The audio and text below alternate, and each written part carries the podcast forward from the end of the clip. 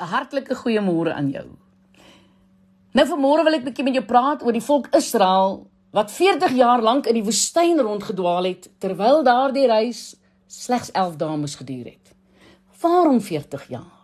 Was dit hulle vyande? Was dit hulle omstandighede?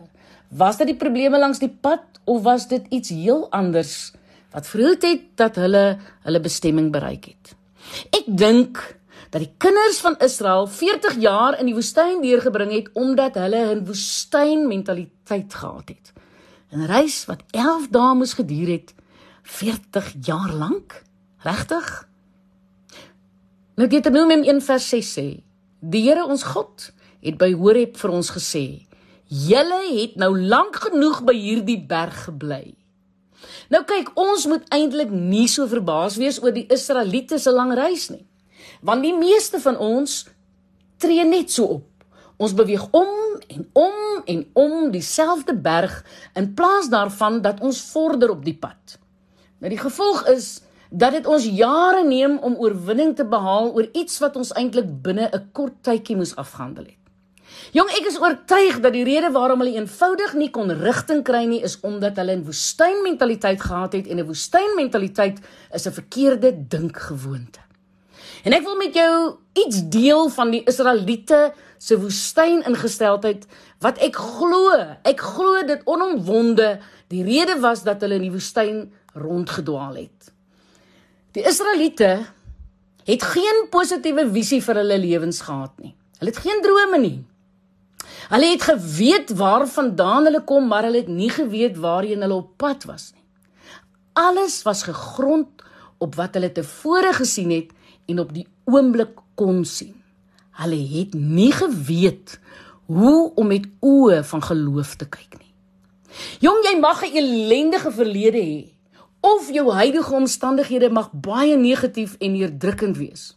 En moontlik ervaar jy miskien op die oomblik 'n situasie wat so erg is dat dit vir jou lyk asof daar vir jou geen rede tot hoop is nie. En ek wil vir jou baie uitdruklik sê, dat jou toekoms nie bepaal word deur jou verlede of jou hede nie. Lukas 18:27 sê, maar hy antwoord: Die dinge wat by mense onmoontlik is, is by God moontlik. Hoor jy wat ek sê? Hoor jy wat die woord sê vanmôre? Ons dien 'n God wat alles wat ons sien uit niks geskep het.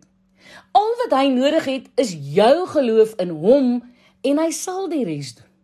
Ons kan nie sake reg beoordeel slegs deur deur wat ons met ons liggaamlike oë sien nie. Jong, ons moet geestelike oë hê om te sien. Ons moet geestelike ore hê om te hoor. Ons moet absoluut hoor wat die Gees sê en nie wat die wêreld sê nie. Laat asseblief toe dat God met jou oor jou toekoms praat en nie ander mense nie. Die Israeliete het gedurig gekyk na en hulle het gepraat oor hoe dinge in die verlede was. God het hulle uit Egipte gelei deur Moses en met hulle deur Moses oor die beloofde land gepraat.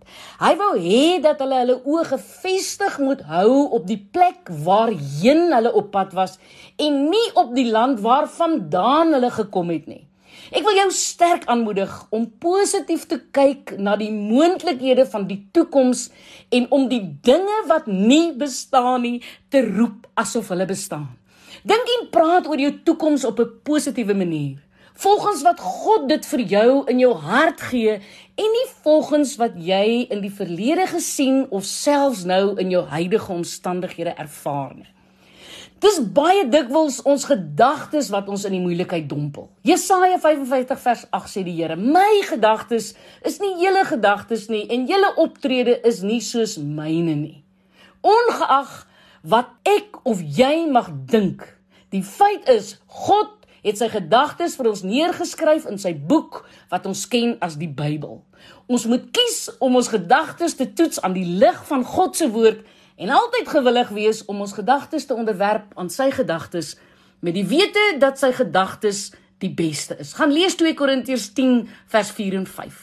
Ons gedagte wêreld is die oorlogsveld. Dit is op die slagveld van jou gedagtes wat jy die oorlog teen Satan of sal wen of sal verloor. Ek is Lenet Beer vir Radio Kansel.